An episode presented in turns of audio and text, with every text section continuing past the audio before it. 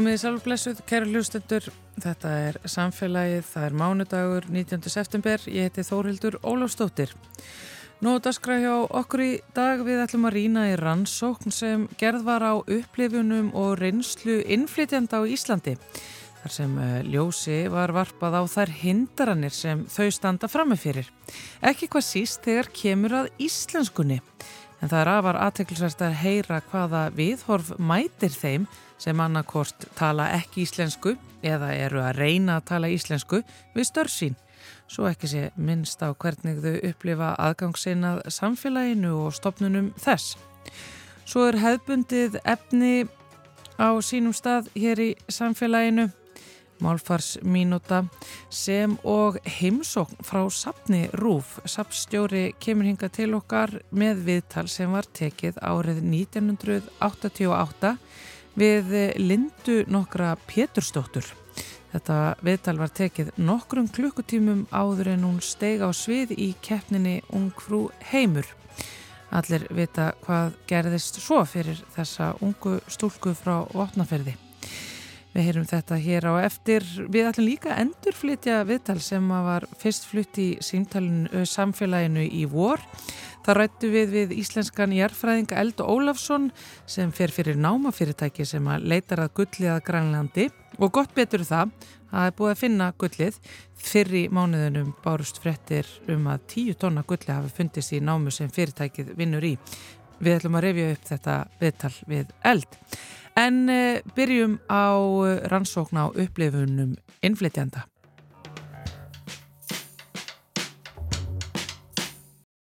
Atvinnumálinn eru mikið í umræðinni og tölvert rætt um stöðu innflytjanda á vinnumarkaði og um, þá hvað helst íslensku kennslu og aðstöðu mun og þar fram til göttunum hefur eflust ekki farið fram hjá neinum sem er að fylgjast með frettum.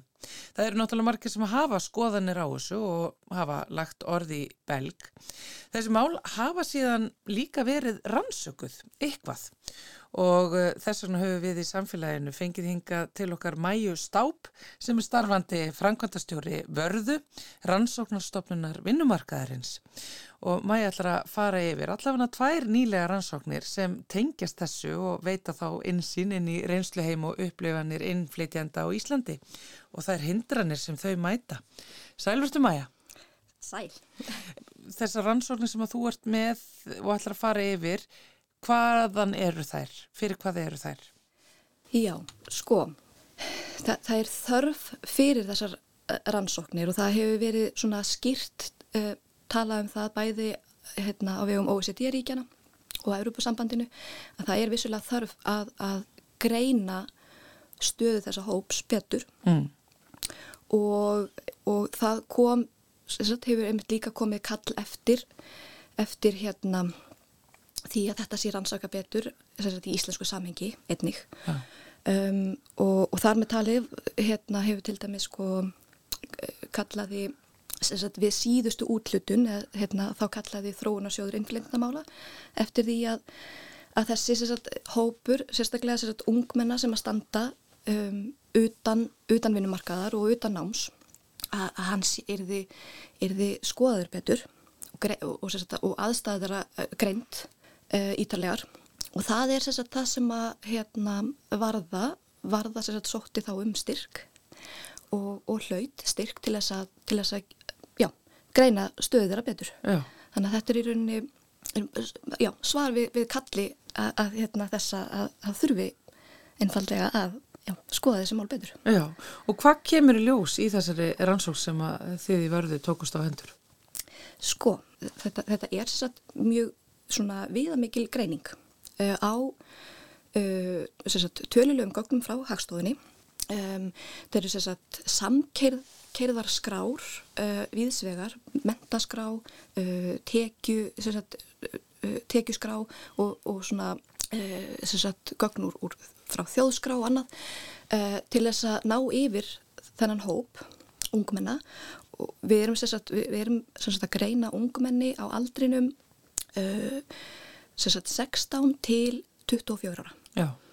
Uh, á árabilinu 2014 til 2020 og það sem við sjáum um, í rauninni uh, svona samflett í gegnum gegnum árabilið sem við erum að skoða er að staða uh, ungmenna með erlendan bakgrunn til dæmis uh, er verri. Um, þau, þau standa verra vígi uh, varðandi þetta umfang, umfang sem sagt uh, nýtt hópsins er, er stærri meðal uh, ungmenna af erlendum uppruna. Nýtt? Nýtt er sem sagt uh, enska skamstöðunin yfir uh, not in employment, education or training. Þannig að þetta er sagt þessi hópur sem að við erum að skoða, þessi, þessi, þessi ungmenni sem standa utan, utan bæði um, vinnu og náms. Já. Og þannig að það er sem sagt að koma í ljós að þau standa eh, náttúrulega illa, Já, einmitt af þau, já, og sérstaklega ef að þau eru af erlendum uppruna. Já, já. Að staða nýtt hópsins eða umfang nýtt hópsins, hún tengist mjög náttúrulega sko um, þeirri stöðu sem að er á vinnumarkaði hverju sinni. Já, Til dæmis að þá, þá sjáum við að, og, og það er þannig bæð á Íslandi og annar staðar, að umfang nýtt hópsins, hann, um, hann stækkar náttúrulega hérna, til dæmis í kjölfar efnahagsþrenginga. já, En, en einmitt að, að sagt, ungmenni af erlendum upprunni standa þá samt sem áður það, sem sagt, afleiðingarnar fyrir þann hóp verða alltaf einhvern veginn dramatískari. já, þannig að þau eru bæði náttúrulega líklegri til þess að lenda í þessum hóp, að standa fyrir utan nám og vinnu Já. og það að tilhera þessum hóp er standuði verðheldur en sko Íslendingar sem eru er í þessum hóp. Já, og svo eru, sko, það eru vissilega ákveðnir mm, svona bakgrunnsþætti sem skipta miklu máli og við sjáum bara að hérna félags- og efnahagslega staða foreldra og hérna fjölskyldugerð, fjölskyldustaða getur skipt miklu máli, bæði mentunastig þeirra og mentunastig foreldra. Um, allir þessi þættar hafa geta haft mikil áhrif og hafa náttúrulega áhrif þá líka á stöðu batna sem er, sem sagt, og ungmenni sem er ekki með erlenda bakgrund, eða sem sagt inn, innfætta Já, en uh, sem sagt, umfang uh, ungmenna af erlendum uppruna hérna, þeirra sem sagt, þau eru þau sem eru í nýtóknum að, að herra hlutfall þeirra eh, hérna, kemur af heimilum það sem að er hérna um, sem er rekið af einstæðu fóreldri uh, það, það er herra hlutfall þeirra um, eru það sem að í, sem sagt, annað fóreldri er að bæði er á örorku. Það, hérna, það, er, það er svona ymsir þættir sem að, sem að þá líka hafa mjög stert skýrigildi fyrir því að lenda inn í tóknum. Og þegar það er verið að rannsaka þetta og ég veit að í rannsóknum sem þið vörðu hérna tóku þá fóruðu bara og rættuð beint við fólk sem að tilherir þessum hóp og, og heyrðuð bara hvað þau höfðu að segja. Sko, við, sem sagt, annars vegar gerðum við þessa, þessa hérna gagnagreiningu og svo hins vegar fórum við líka í það að gera, hérna, tókum rínihópa viðtal og við tókum sem sagt rínihópa viðtal við fimm ungar konur með hérna sagt erlendan bakgrunn þeir voru allar innflytjendur uh, frá ólíkum, ólíkum löndum og, og svona hérna og, og svona, já, koma alveg frá ólíkum aðstæðum náttúrulega. Um, og já, er sérst, voru á aldrinum 24 til 28 ára. Þær voru sem sagt um, ímist í nýtópnum á þeim tíma sem að viðtalið var tekið eða höfðu ykkur tíman verið í honum, eða sérst höfðu reynslaði verið í nýtópi og það er einmitt sem sagt, það sem að kemur svona mjög áþreifanlega í ljós er eh, hérna sko tungumála þekkingin eða sem sagt hérna krafa þjóðfélagsins okkar um, um íslensku kunnáttu sem að er þá bara hérna uh, bæði notað sem uh, sko já, bara svona aðgangsstýring að ymsum gæðum samfélagsins uh, að þjónustu við stopnan sagt, þjónustu stopnana við, við þær. Um, hafa síður og, og, hérna, og einmitt alltaf, alltaf veldur það á íslensku kunnáttunni sko hvaða störðar fá hvort að það er ekki sama aðgengi að námi. Um, þannig að það eru svona bara fjölþættar hindranir sem að það hafa orðið fyrir Og lýsa líka svona ákveðinu viðmóti sem að það mæta Já. af því að, að það eru ekki fullnuma í íslensku. Já, það, það er einmitt líka svona, svona rauður þráður alveg í, í frásögnum þeirra. Það er þetta sko, já, oft á tíðum viðhorf og viðmót okkar Íslandinga til, til fólks af erlendum uppruna og þá þessi, þessi ríka krafa sem er gerðið til þeirra að, að læra íslensku hratt og vel en hafa svo ekki í raun kannski neina, þú veist, þeim er ekki mætt neinn þólimæði því að það svo tala kannski ekki, ekki sem sagt hérna uh, tungumálið bara á einhver svona sem sagt móðurmálsleveli. Já, já, einmitt, já.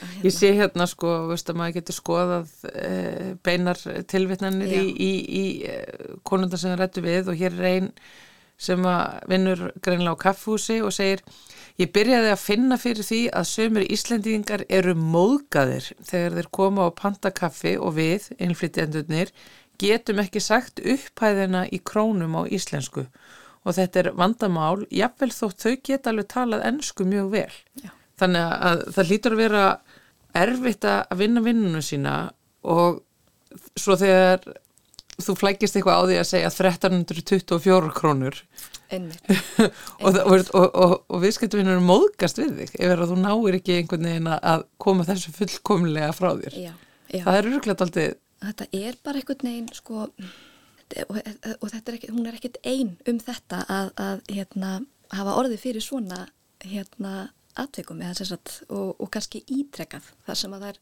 einmitt lenda í svona, svona aðstæðum. Þetta er svona ör áriði stanslust allan daginn. Já, já, Önnur hérna sem að segir ég var alltaf mjög afsakandi. Ég sagði, hæ, ég tala ennsku er það að fara að vera í lægi og svo gerðist það öru hverju að Íslandíkarnir sögðu láttu mig fá nýjan þjón, ég er ekki að fara að tala við þig. Þetta gerðist eiginlega bara mjög oft og var mjög, mjög niðurlægjandi. Einmitt. Ég er eiginlega pínu hissa á þessu. Já, en já, þetta, þetta er sláandi að heyra svona, svona frásagnir. Og hérna, en þetta virðist bara að vera, einmitt, eins, og, eins og það segja, mjög algengt að hérna, fólk leifi sér svona, svona framkomi og það virðist einhvern veginn vera bara að hérna að svona, svona viðmót, svona framkoma, hún einhvern veginn bara lýsa sér í bara einhvern veginn, ég veit ekki, bara, bara viðtæku þekkingalesi á, á því hvaða, hvaða áskorunir fylgjaði að flytjast búferlum og, og þurfa að, að samlagast samfélaginu, læra tungumál, þú veist, hérna, um, þú veist, komast á vinnumarkað og, og í rauninni líka sko bara þekkingalesi á því hvað, hvað hérna, innflytjendur hafa fram að færa Já. að hérna þær tala til dæmis margar um það að hérna sko í svona allri svona, svona samræðum einhvern veginn við fólk að þá sko upplöðar eins og þær hérna ætti að vera svona ánæðar og, og, og svona og þakklátar alltaf fyrir að ykkur sé að veita þeim störf. Eða sagt, það, það er svona veist, og þetta er ekki eitthvað sem að við, við veist, Íslandingar hérna, þurfum alltaf að veist, við, þurfum all, við þurfum ekki alltaf að vera hérna, bara uppfull af þakklæti fyrir okkur sem ég veitt tækifæri til þess að vinna já, já. svona, Þetta hlýtur að vera alveg ótrúlega líjandi til lengri já, tíma. En það er einmitt aðtiklisvægt að það sem þær eru að lýsa þarna þessar konur sem það tekir við til við það er einmitt annars vegar þetta að uh, þau eru skömmuð fyrir að segja hlutin ekki rétt á íslensku. Svo þau reyna þá að nota ennskuna sem þau geta gert aðeins auðvitað þá er þeim hafnað. Já. og síðan er önnur hérna beintilvittin sem ég verði að lesa upp Þegar Íslendika segja að þú verðir að læra íslensku þá vilja þau samt ekki hlusta á íslenskuna mína þau hafi ekki þólinmæðina þú veist og þegar ég tala íslensku þá þarf ég að endur taka mig þar sem ég get ekki borið fram R og þau verða óþólunmóð og pyrruð á mér ég held að þetta stöðlega því menningarlega að vera þólinnmóð við innflytjendur. Ef ég er raunsæ þá er engin okkar nokkuð tíman að fara að tala íslensku reybrennandi. Það er bara ekki að fara að gerast. Við getum verið í skóla að læra hana en við verðum aldrei fullkonlega alltalandi. Þannig að mér finnst að allt þetta talum að þú verður að tala íslensku þurfu að hætta. Þannig að það er ekki einu sinni þegar þú eru að reyna að læra íslensku og tala hana að þá einhvern veginn verður þau líka fyrir einhverju leiðundum. Þannig að það er einhvern veginn alveg sama Já. hvað þau gera. Já. Reyna að tala íslensku, eh, tala ennsku, eh, skipta á milli. Það er alltaf hindrun. Það er svona dú, dúmti fjú dóm. Já, nákvæmlega. Já, já, það vil oft vera þannig. eh, sko þetta er svo einhvern veginn í þessum frásögnum þá er bara svo skýrt hvernig sko um, já, þess, þess, þessari kröfu um íslensku kunnáttu er svona líka oft svona pínu dinglað eins og gullrót fyrir framann hérna, framann fólk sko þú veist og, og svona nota sem einhvers konar svona um, í, í rauninni sko já þú veist ef þú, ef þú lærir íslensku þá opnast þér allar dýr þá getur þú hérna, fengið sömu tækifæri til menta, þá, þá getur fengið þá vinnu sem að, sem að sem sagt, er, er við hæfið þinna mentunar og, og, og, og alls konar svona, en á sama tíma er tungumáli líka notað sem svona að, aðgangsstýringar mm -hmm. sem sagt, kerfi sem að, sem að er bara glögt nýtt til þess að hindra hérna jæmt aðgengi að bara ymsum þáttum samfélagsins, bæði, bæði þjónustu stopnana, um, að upplýsinga, svona, hérna, jafnri upplýsingagjöf og, og hérna, já, og bara fleira. Mm -hmm. Annars sem að kemur í ljós einmitt í rannsók að vinnuveitendur líta oft á innflytjendur og vinnuafl eh, sem að er ekki að íslenskum uppruna eins og þau þurfi ekki að mæta svona sömu eh, bara hlutum og aðri íslendingar veist, að mánadarmót og það að borga reikninga er alveg líka jafn mikill raunveruleiki þeirra Já. og okkar en veist, þau einhvern veginn svona uh, lenda oftar í því að það er verið að snuða þau um laun, það er verið að borga þeim seint og þetta er náttúrulega sko nú, nú er það sko þannig að hérna og sérstaklega með fólk sem að til dæmis er, er, er kemur frá löndum utan Európa-sambandsins eða utan ES mm. um, það, það er í höndum atvinnureikanda að, að sækjum kennitölur þau hérna einn tala til dæmis um það að hún hafi verið með tímabundið sagt, dvalar og atvinnuleifi uh, og kennitölu sagt, uh, á vegum magasins mm. sem var sagt, íslenskur og en sem að í rauninni sko gerir það gerir innflytjendur svo sko berskjaldaða fyrir hérna bara ímiskonar bara svona misrétti eða þú veist að hérna að það sé mitt verið að hérna að hvað segir maður hérna nú er ég bara með ennska orðið hérna exploitation að vera misnóta já bara misnóta hérna krafta þeirra. Og sko, það er tala margar um þetta líka að það eru bara einmitt hérna í gegnum kerfið eru þar berskjaldaðar fyrir, fyrir sagt, misnótkun og, og tala einmitt til dæmis um það að hérna um, það, og það, við vitum það að, að fólka erlendum uppruna það er sagt, og innflétjendur eru gerðan frekar í svona harkvinnu, svona tím, sagt, vinnu þar sem að, þú veist, eru tímabundnir samningar eða, eða ekki alveg sagt, og, og líka að hérna þegar fólk er svona nýkomið uh, er ekki komið með kennitölu og annað að þá hefur það heldur ekki stjættafélagsaðild mm -hmm. þannig að sko það er einhvern veginn enginn sem heldur utanum þetta fólk sko þegar að ef að eitthvað svona, já, bregst. En hvað hefur að taka með okkur út úr þessari rannsókn og kannski ekki eitthvað síst sérstaklega út af þessari deilu um íslensku kjænsluna sem hefur verið mikið í umræðinni upp á síðkastið. Já, sko við, við þurfum náttúrulega sem samfélag bara að gera miklu betur. Það er hérna, við þurfum bara að horfast í augu við það að um, svona líðfræðileg samsetning hérna þjóðarinnar, hún, hún hefur verið að breytast svo ört á síðastlinum 20 árum.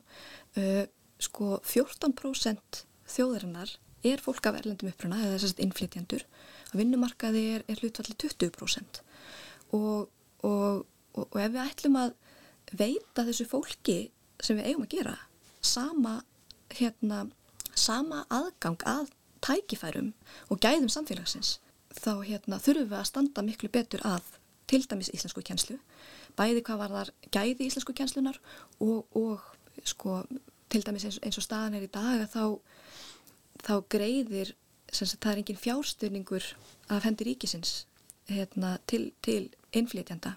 Þau þurfa að standa ströyma af þessum kostnaði sjálf ef það ætla að læra íslensku og eru, eru í, í flestum tilfellum að læra hérna, íslensku á, á sagt, eftirvinnu og annað, þetta, þetta er ofsalega líjandi og það, það, það þarf eitthvað að endur sko þetta. En eigum við þá að halda áfram samt að gera kröfuna?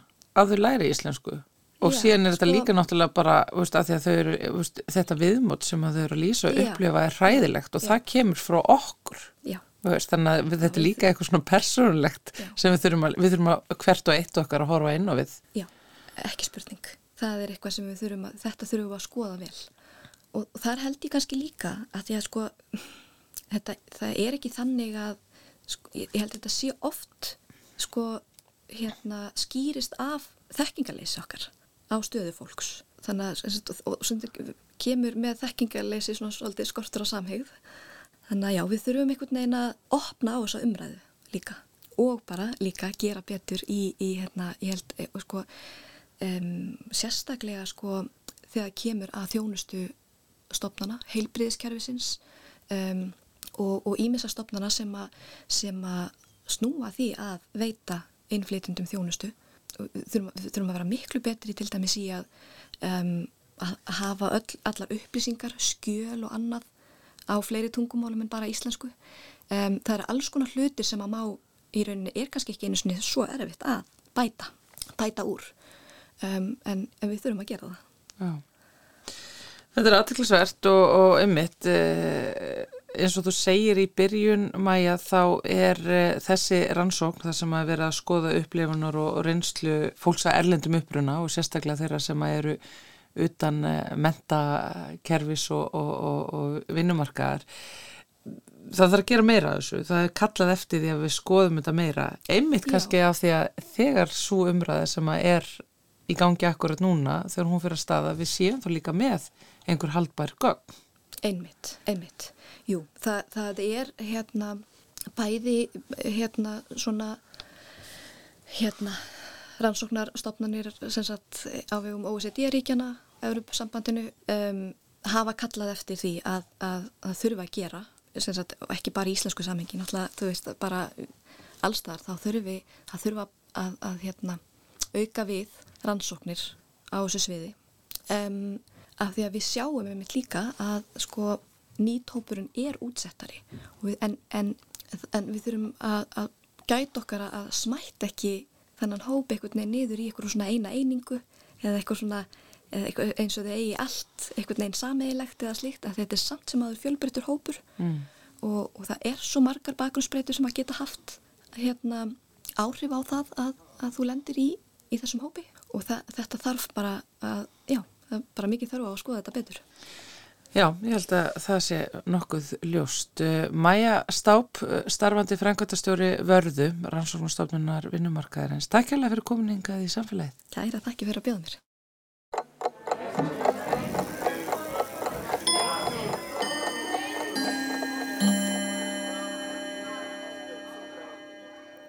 Við þekkjum flest orðatiltækið að setjast í helgan stein og vitum að það er hátilegt orðalag um að hætta að vinna fyrir aldursakir. Fólk sesta vísu ekki endilegi helgan stein þótt að hætti í launari vinnu því þá er oft fyrst hægt að njóta lífsins. En hvaðan kemur þetta orðatiltæki? Af hverju setjast í stein en ekki á steinin og býr ekki huldu fólk í steinum? Helgur stein merkir klaustur. Að setjast í helgan stein er að ganga í klaustur. Þegar mektar fólki til forna þótti við hæfi að draga sig út úr amstri og vafstri og taka það rólega, gattað ánafnað klaustri eigur sínar og fengið í staðin atkvarf þar síðustu æfidagana. Klaustrin voru nokkur skonar þjónustu kjarnar og hjúgrunarheimili eldri borgara á miðöldum.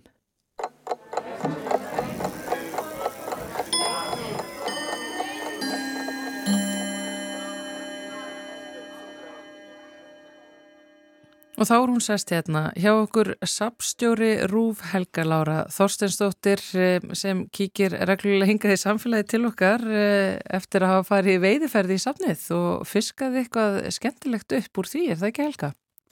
Jú, ég gerum mitt besta hérna til að finna eitthvað skemmtilegt til að spila og í dag ætlum við að rifja upp viðtal sem Ólef Rún Skúladóttir tók uh, árið 1988 í november við Lindu Pétustóttur.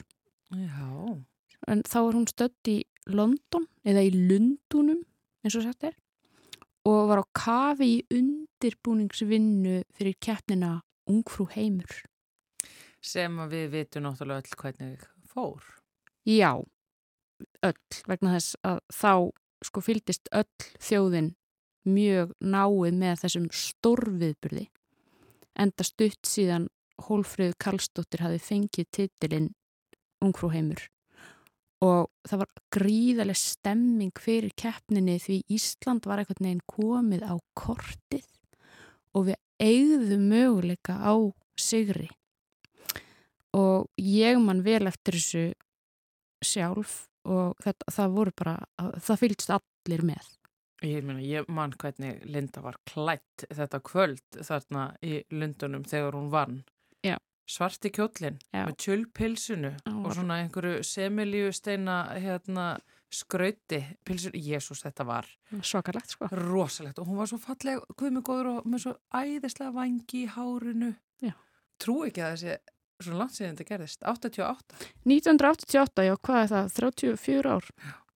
Heimitt uh, en sett, þarna þetta viðtal sem við ætlum að hlusta á þegar það er tekið þá vitum við ekki neitt. Keppnin hefur ekki farið fram og Linda er bara á kafi sem undirbúningi.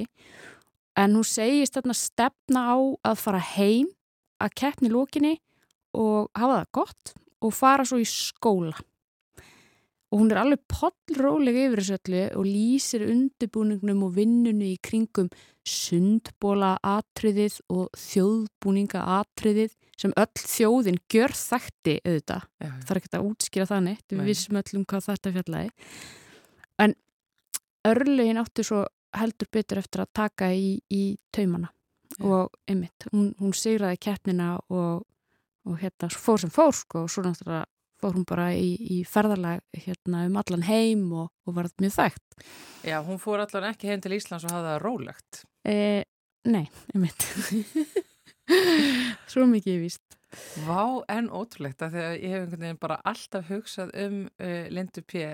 sem segur að þessari keppni þannig að það að hlusta á þetta viðtalsbrot er að heyra í henni Já. án þess að hún sé og þetta er held ég bara nokkrum sko, klukkutímum áður en þessi keppni fer fram. Þannig að þetta augnablík í, í, í, hérna, í sögunni er svo, er svo skemmtilegt. Sko. Það er gaman að heyra líka tónin í röttinni og það heyrist líka svona gamal kunnugt suð og tikk í símaviðtalinu sem minnir svolítið svona á engisbrettur og akri.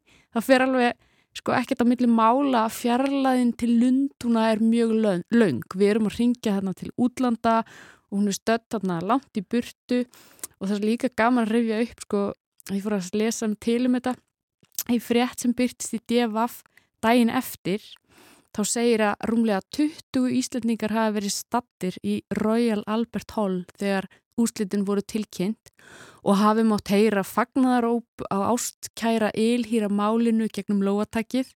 Það var greinilegt að Íslendingarnir í salnum litu ekki á úslitin sem einungis personulegan sigur lindu, heldur var sagt við unnum aftur, við unnum aftur. Þetta var íslenskur sigur. Já, Já, við vorum best í fegur. Algjörlega. Það var staðfesting á því. við áttum sterkustu mennina og fallegustu konurnar. Ég bara, já, þetta voru frábæri tímar. Jú. Og það að vera gaman, eh, eh, ég bara get ekki beðið eftir að hlusta á þetta, að hlusta á Lindu, að því að þarna þegar þetta viðtala tekið, er hún bara stelpa frá vopnabyrði Já. út í hennu stóra heimi. Já. En svo er mitt, Mm -hmm. nokkur klukkutíðin síðar er allt orðið breytt. Það voru nokkur heimur. Hlustum á þetta.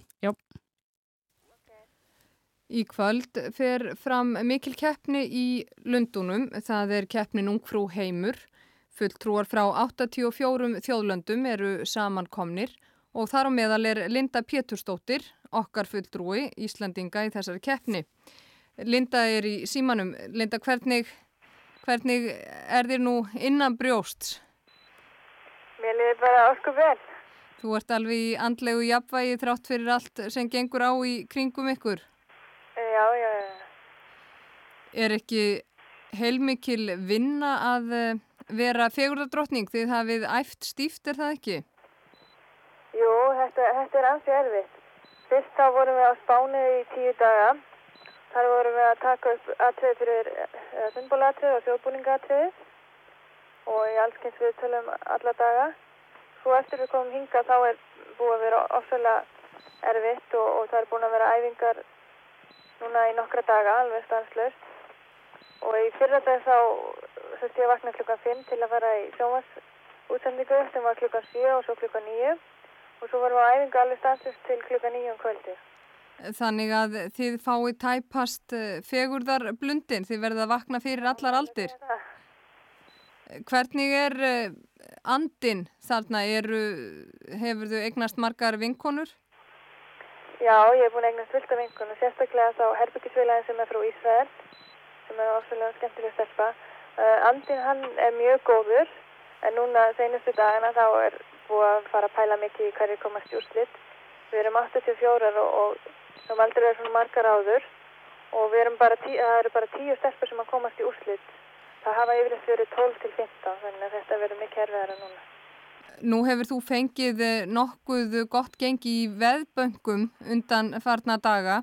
Eh, Telur þú það raunhæfan möguleika að þú komist í úrslitt?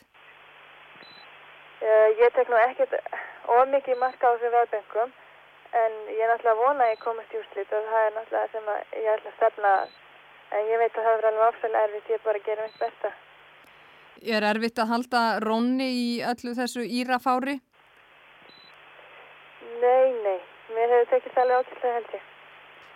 Hvernig finnst þér nú svona sem ung kona á árinu 1988, finnst þér þessar keppnir eiga rétt á sér eða finnst þér þetta vera gripasýning eins og sumir vilja segja? Nei, alls ekki. Þetta er engi gripasýning. Mér finnst þetta alveg eiga fulla rétt á sér bara eins og aðra keppnir. Allir saman hvaða nafni það er heita. Þú sagðir að það fylgdi þessu heilmikil vinna. Finnst þér stundum að fólk gerir sér kannski ekki grein fyrir hversu mikið erfiði liggur að baki? Já, það, það má nú alveg segja það. Fólk, það, það gerir sér ekki miklu grein fyrir hvað, að, að, sem sagt, öllum undirbúningnum sem er falin í þessu. Það heldur kannski við þurfum bara að snifta okkur til að hoppa í sundból og svo upp á svið. En það er ekki þannig. Það er mikil undirbúningur. Það er hvert einasta spór þarf að vera rétt á sviðinu og, og bara allt bátt hétt.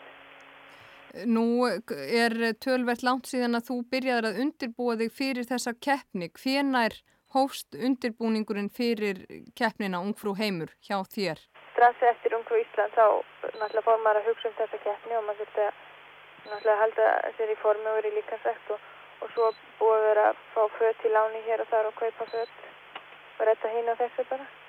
Svo hafa nokkuð fyrirtæki í Reykjavík verið meira hliðhall og styrt mig með föttum og, og fleira. Og hvað ætlar Linda Pétursdóttir að taka sér fyrir hendur þegar að uh, þessum barndagi er lokið? Þá ætla ég nú bara að koma heim og hafa það gott og svo fer ég bara í skóla eftir árumátt. Þannig að þú ætlar ekkert að láta prjálið og punti fara neitt með þig í neina vittleysu? Nei, held ég ekki. Það borgir sér ekki. Linda Pétursdóttir, gangið er vel í kvöld og þakka þér fyrir spjallið. Já, takk semulegis. Þetta viðtal var tekið árið 1988. Ólefur hún skóladóttir talað þarna við Lindu Pétursdóttur. Þetta var hún steg og svið í keppninni Ungrú heimur. Þetta var uh, smá endurleitt úr uh, safninu hér hjá okkur. Framöndan er uh, Nóra Jones með læðið Turn Me On og svo ætlum við að endurflitja efni frá því síðasta vor sem rættir við jarfræðing sem leitar að gulli í Grænlandi.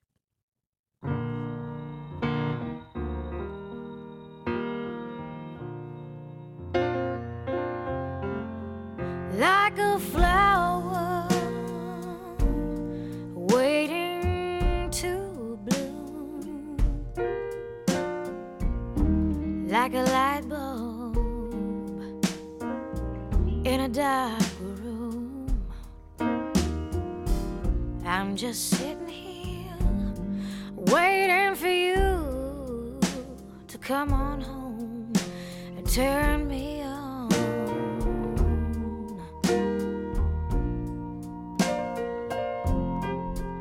like the desert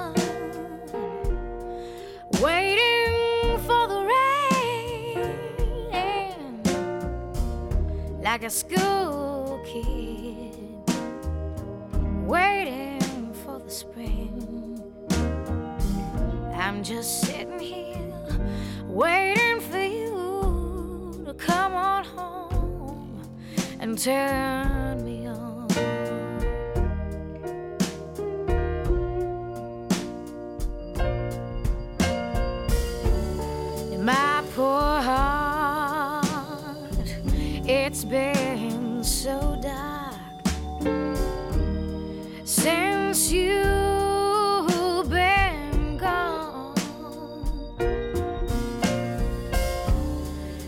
After all, you're the one who turns me off.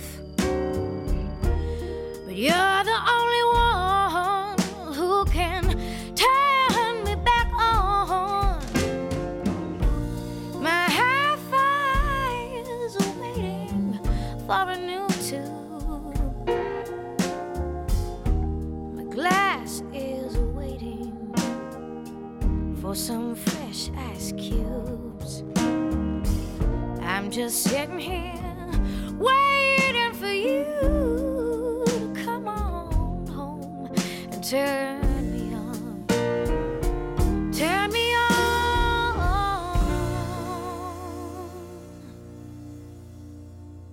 Þá ætlum við að huga að eh, gullleit hér í, í samfélaginu. Já, gullleit, eh, Íslandikar hafa nú kannski ekki mikið borið sig eftir því gegnum tíðina og þó að það er einn Íslandingur sem að fer fyrir fyrirtæki sem að leitar að gulli og það á Grænlandi. Og hann er hérna hjá okkur á línunni, Eldur Ólafsson, forstjóri AEX, sælvertu. Eldur, segðu okkur frá þessu námafyrirtæki sem að leitar eftir gulli á Grænlandi sem að þú ferð fyrir. Já, AX er reyndar leitar ekki bara gulli, heldur leitar af öllum þeim álmum sem eru innan okkar leifa og réttindi sem við höfum á Suður Grænlandi sem við erum fókusur á eru um 2700 ferkilometra í dag. Uh, það er réttið að vera mest stór partur af þessum leifum, uh, kannski helmingur uh, er með leiði þar sem eru líkindi á miklu gullmagni og er innan þess, innan belti sem kallast nanóftalit gullbelti. Og inn í nanóftalit gullbelti er náma sem heitir Nalunak sem var í vinslu frá 2004 til 2014 og framleitið um 350 stúnsur og þar eru vegir og hafnir og, og 20 kílometra af, af göngum inn í fjalli. Og hann er miklu innvið þetta er pakka innvið það eru líka leiði til það og fókusin í okkur síðan við kiptum þetta verkefni 2015 og, og er, hefur verið að, að auka gullmagn í jörðu. Í dag erum við með um 250.000 únsur af gullmagni sem er reiknað gullmagn og það maður reiknaða með að bóra í gegnum gulllægið og þá þarf maður að bóra ákveðum bretti og annað slíkt og svo, svo er það reiknaða þriðalega. Þið hafi verið sko í einhverju tilraunaborunum þarna og, og komist að því að það er meira gull heldur þarna ofan í fjallinu eða inn í fjallinu heldur en hafði verið námað burt nú þegar? Já, sko í, ég myndi setja boranir almennt í svona verkefnum í, í, í í tvíþettanskilning.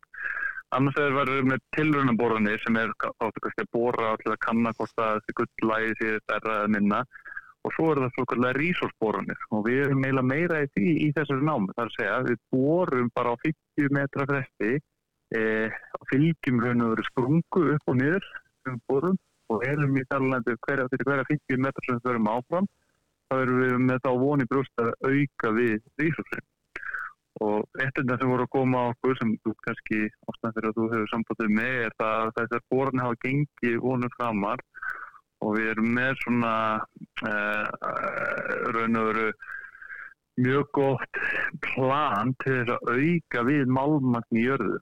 En, en við, félag eins og, og okkar þau, þau, þau helgast af annars er magninu, það er hversu lengi hversu mörg ár þú getur unni málmagn í jörðu og það helgast alltaf að þessu þessum borunum. Og svo þegar þú fer að framlega það mestum máli þessu mikið þú færð út úr hverju únsum sem þú tekur úr jörðu. Já Og þannig að með öðrum orðum að það er hellingur á gulli eftir sem að þið ætlið ykkur að ná í? Já, það er, það er töluvert eða bara það er um 2 miljónur únsa sem við teljum vera til staðar og við erum raun og veru að bóra okkur eftir þessu sprungu til að færa þetta 2 miljónur únsu yfir eitthvað sem við getum, við getum bent á hvað það, það erfni er og við getum sínt fram á en við þurfum alltaf að, að gera bóranir og ákveðna rannsóknir til sannreina þetta. Það er ekki við sem sannreina, heldur að þetta er í aðli sem svo ef þú varum með Deloitte sem tekur út afsökningarna þegar þá er þetta svipaður aðli í, í, í alltaf gerðan sem vinnvöldum sem heitir SRK sem, sem gerir svona það sem félagi resource statement eða, eða jarðefnis, geimis eh, eh, hvað þú segja audit, ég kann ekki íslenska það Þú vinnur í alþjóðlu umhverfi þannig að það er í fína lægi þannig að það er ekki hægt að bara benda okkur fjall og segja að það er fullt af gull í þessu eh, þið þurfið að fá staðfestingu utanfrá á því. Já, ég minna við hefum vinnið þarna síðan 2013 og við höfum takað gríðilega langan tíma og mikið sem þarf að greina og að sjá en, en með hjálp tækni og með hjálp uh, uh, jættsæðilega mótelur og með hjálp uh, dróna, við höfum mikið um dróna og svo bara físiskum borunum þá, þá getum við svona hægt og bítandi alltaf fælt okkur næra nærði að, að búa til meira og meira magni sem skiptir mestum máli fyrir fyrir okkur. En núna vitið þið að gullið er þarna, en hvenar farið þið mm -hmm. þá og náið í það? Veist, hvenar byrtist mynda þér haldandi á gullklumpi? Já, sko, við, já nú gullpenning er nú svo stöðuð á mér, þannig að við erum þegar byrjað að taka aðeins út, en, en vinslan eh, hefst. Í raun og veru um, um leið og við teljum að þetta er nægilega eh, góð skýliði til þess að fari það að byggja vinsluplanti þess að planti sem setur það gegn og, og við teljum að, að, að gullgeimirinn sé, sé það stór að það sé svona bestun á því hvernig við hefjum vinsluna mm. og okkur tegir þetta, jú við gætum hafið bara vinslu á morgun en það komur þetta COVID og það hækku verð og aðfeng og, og hvernig maður kemur fólki inn og út þannig að við erum svolítið fókusur á það með, með svona verkefni að vera rosalega vel planar að þú ert að vinna hann að mest á sumrun frá april til, kannski lóknóður, það er mjög svítu sísón í Suðugrænlandi eins og við bara í Reykjavík og, og, og þar alveg erum við að, erum við að, svona, erum að áður þegar við byrjum vinsluna þá viljum við geta svona gert það mjög svona effektíft þegar við byrjum. Einni eru við líka með tölvöld öðrusti aðferðir í dag í Grænlandi heldur en þú sér oft í mæningi hér við erum að fókusera á að nýta okkur tækni til dæmis við erum að horfa til þess að vera með eh, hvað sem kvöldur modernization eða sjálf kerslu á svömmum búnaði ja. Við erum að horfa á það að búa til orkun okkar á standum í, í gegnum annars vatn, vind eða sól.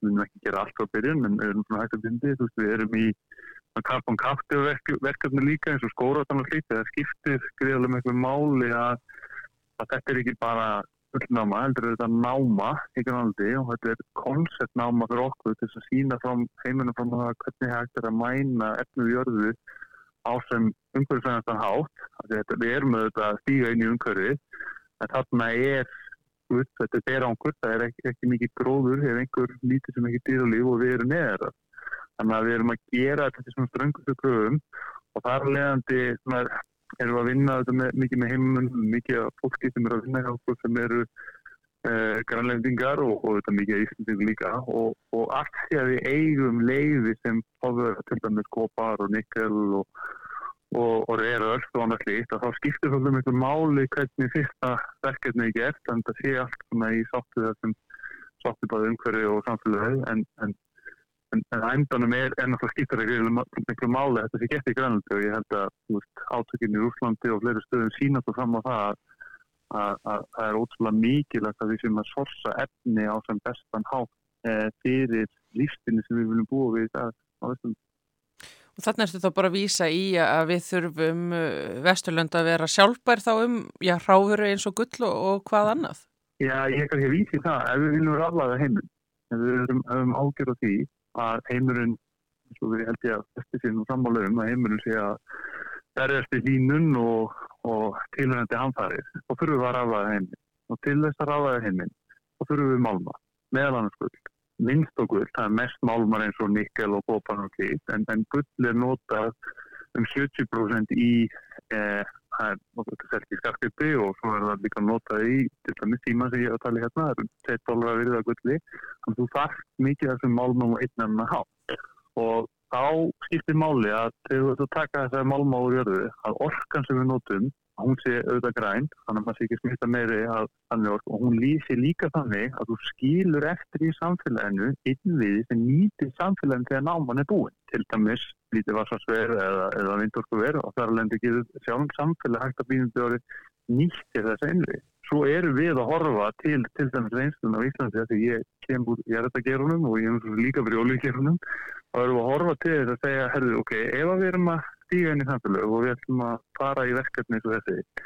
Hvað er sem við getum til dæmis lægt uh, á Íslandi með það hvernig bara virkirna á Íslandi hafa verið byggðið? Getur við tekið uh, og nýtt okkur dæmi um það sem þetta verður látið falla nokkuð vel inn í, eh, inn í, inn í, inn í hérna laglæði, getur við uh, horta það að fara í skóra, getur við gert hluti þannig að eftir að lítið með nálega líkur mm. og kannski eru við að skila þannig hvernig við komum á hann.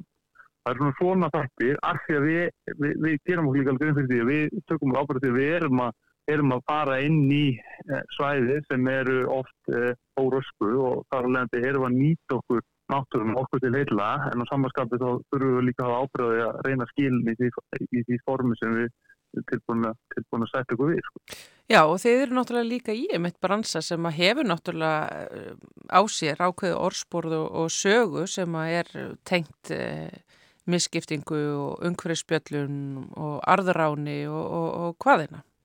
Já, sko mæning heimurinn er og olju og allt þetta, þetta er svo gam, gamli geira, við hefum nýtt þetta í svo langan tíma, ég menna mæning bara, bara fyrir krist, því að fyrir krist voru fyrstu gullnamur og beigðar ekkirtum sko.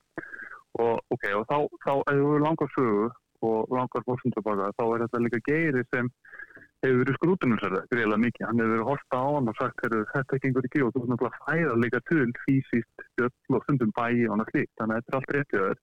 Þess heldur skiptir máli að fylgja þessu og þess heldur skiptir máli að við erum að vinna í skamdina. Við erum að vinna í umhverju þessum laun og kjör, fólks og skattar og auðvitaðgjöld og allt þetta er staða. Þannig að þetta skiptir líka greiðilega máli og sérstaklega ef að þú ert á þessum að kaupa alltaf með Tesla eða Apple síma og annað slíkt, þá er það að gera grein fyrir að þú ert að halda á tækjum og nýta tækjum í lífi sem koma úr námum alltaf í heiminum. Þannig að það er í bestafalli barnaskapur að halda þig fram að maður sé ekki að hafa árið beint sjálfur og í best, bestafalli hægni en maður tekur ekki ábyrða því að við erum að nota tæki tólan til að lifa þenn lífstíð sem við lifum í dag. Mm þessum er það líkil atriði fyrir okkur Íslandíka að við tökum þátt í verkefnum á Grænlandi og tökum þátt í því að tryggja okkur sáöfni eh, ánga til að það er orðið nægilega haka til að endurvinna málma og svo framins og framins og reynum að gera þetta með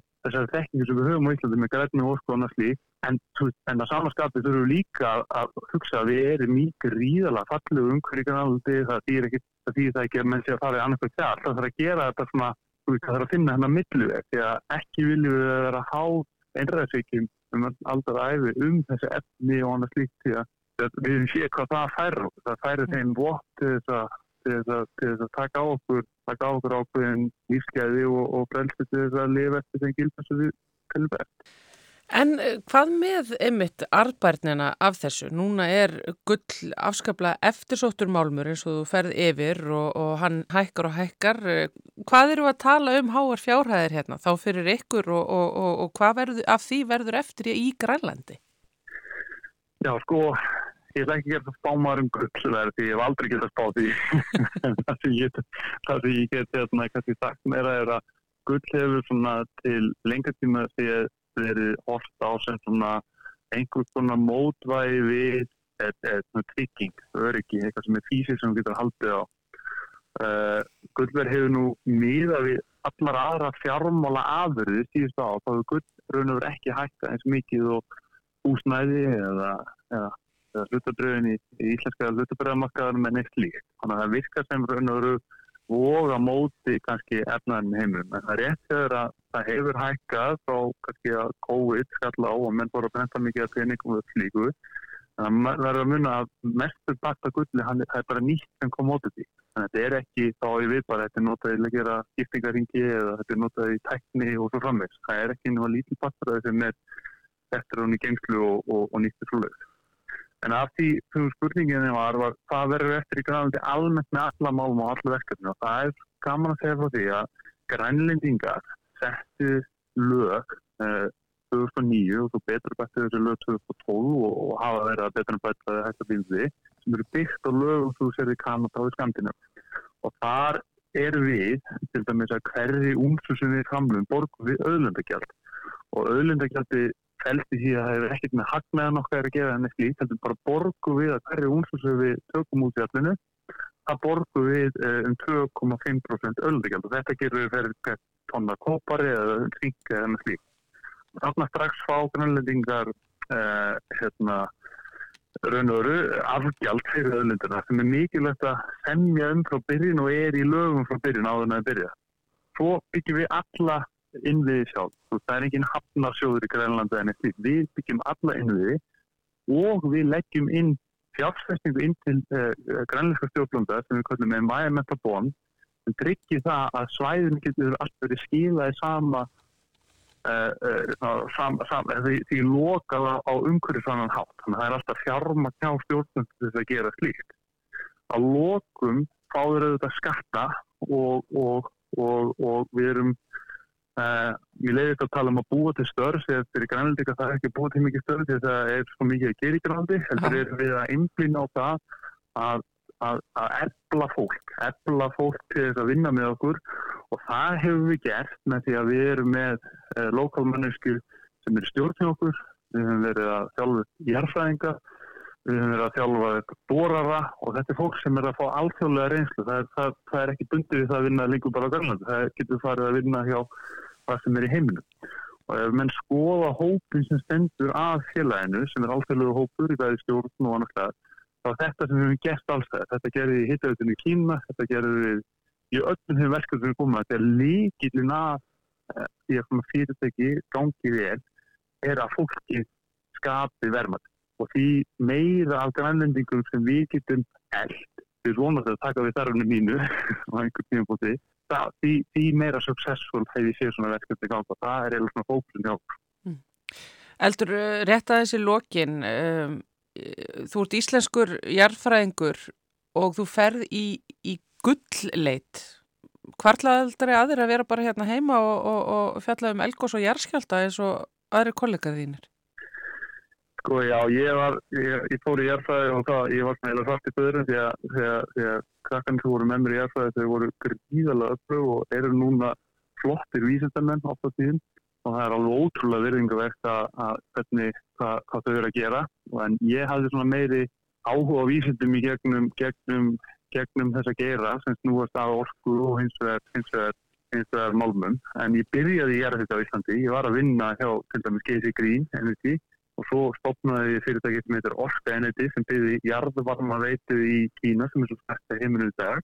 Og svo fæði því yfir í fóri óljuleitt við tókum okkar aðeins í, í hérna, verkefnum meðlánans á, á dreikastæðinu þó sem við hefum ekki talað átt mikið um það. Og vonum bara í þessu verkefnum og svo höfum við verið í mæning þannig að þetta ferið minn hefur komið að öðlundum og einnæðum og þá það er eitt að vera til þess að geta verið á mismundastöðum þá erum við að þetta ráða og vera með fólki sem hefur gríðalmjög þekking á þessu og, og þar að leiðandi hefur kannski suma þeirri þekkingu, sérstaklega er þekking hún líkur á Íslandi en, en mæningsþekking hún líkur oft í Kanada eða það er mjög svo London og, og þess að það er að byggja svolítið alþjóðlega til þess að, til þess að, hérna, til þess að ná, ná, ná við lautunum en þetta er mjög skemmtilegt og þetta er svona gefur manni bæri að vinna einhverju fysisku og samfélagslega sem sem er skiptið um volið.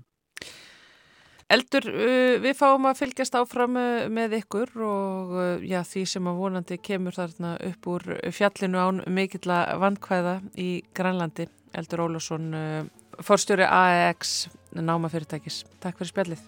Takk fyrir kjalla. Þetta viðtal var fyrst fluttir í samfélaginu í april og með því líkur samfélaginu í dag. Við verum hér aftur á sama tíma morgun. Þanga til, verið sæl.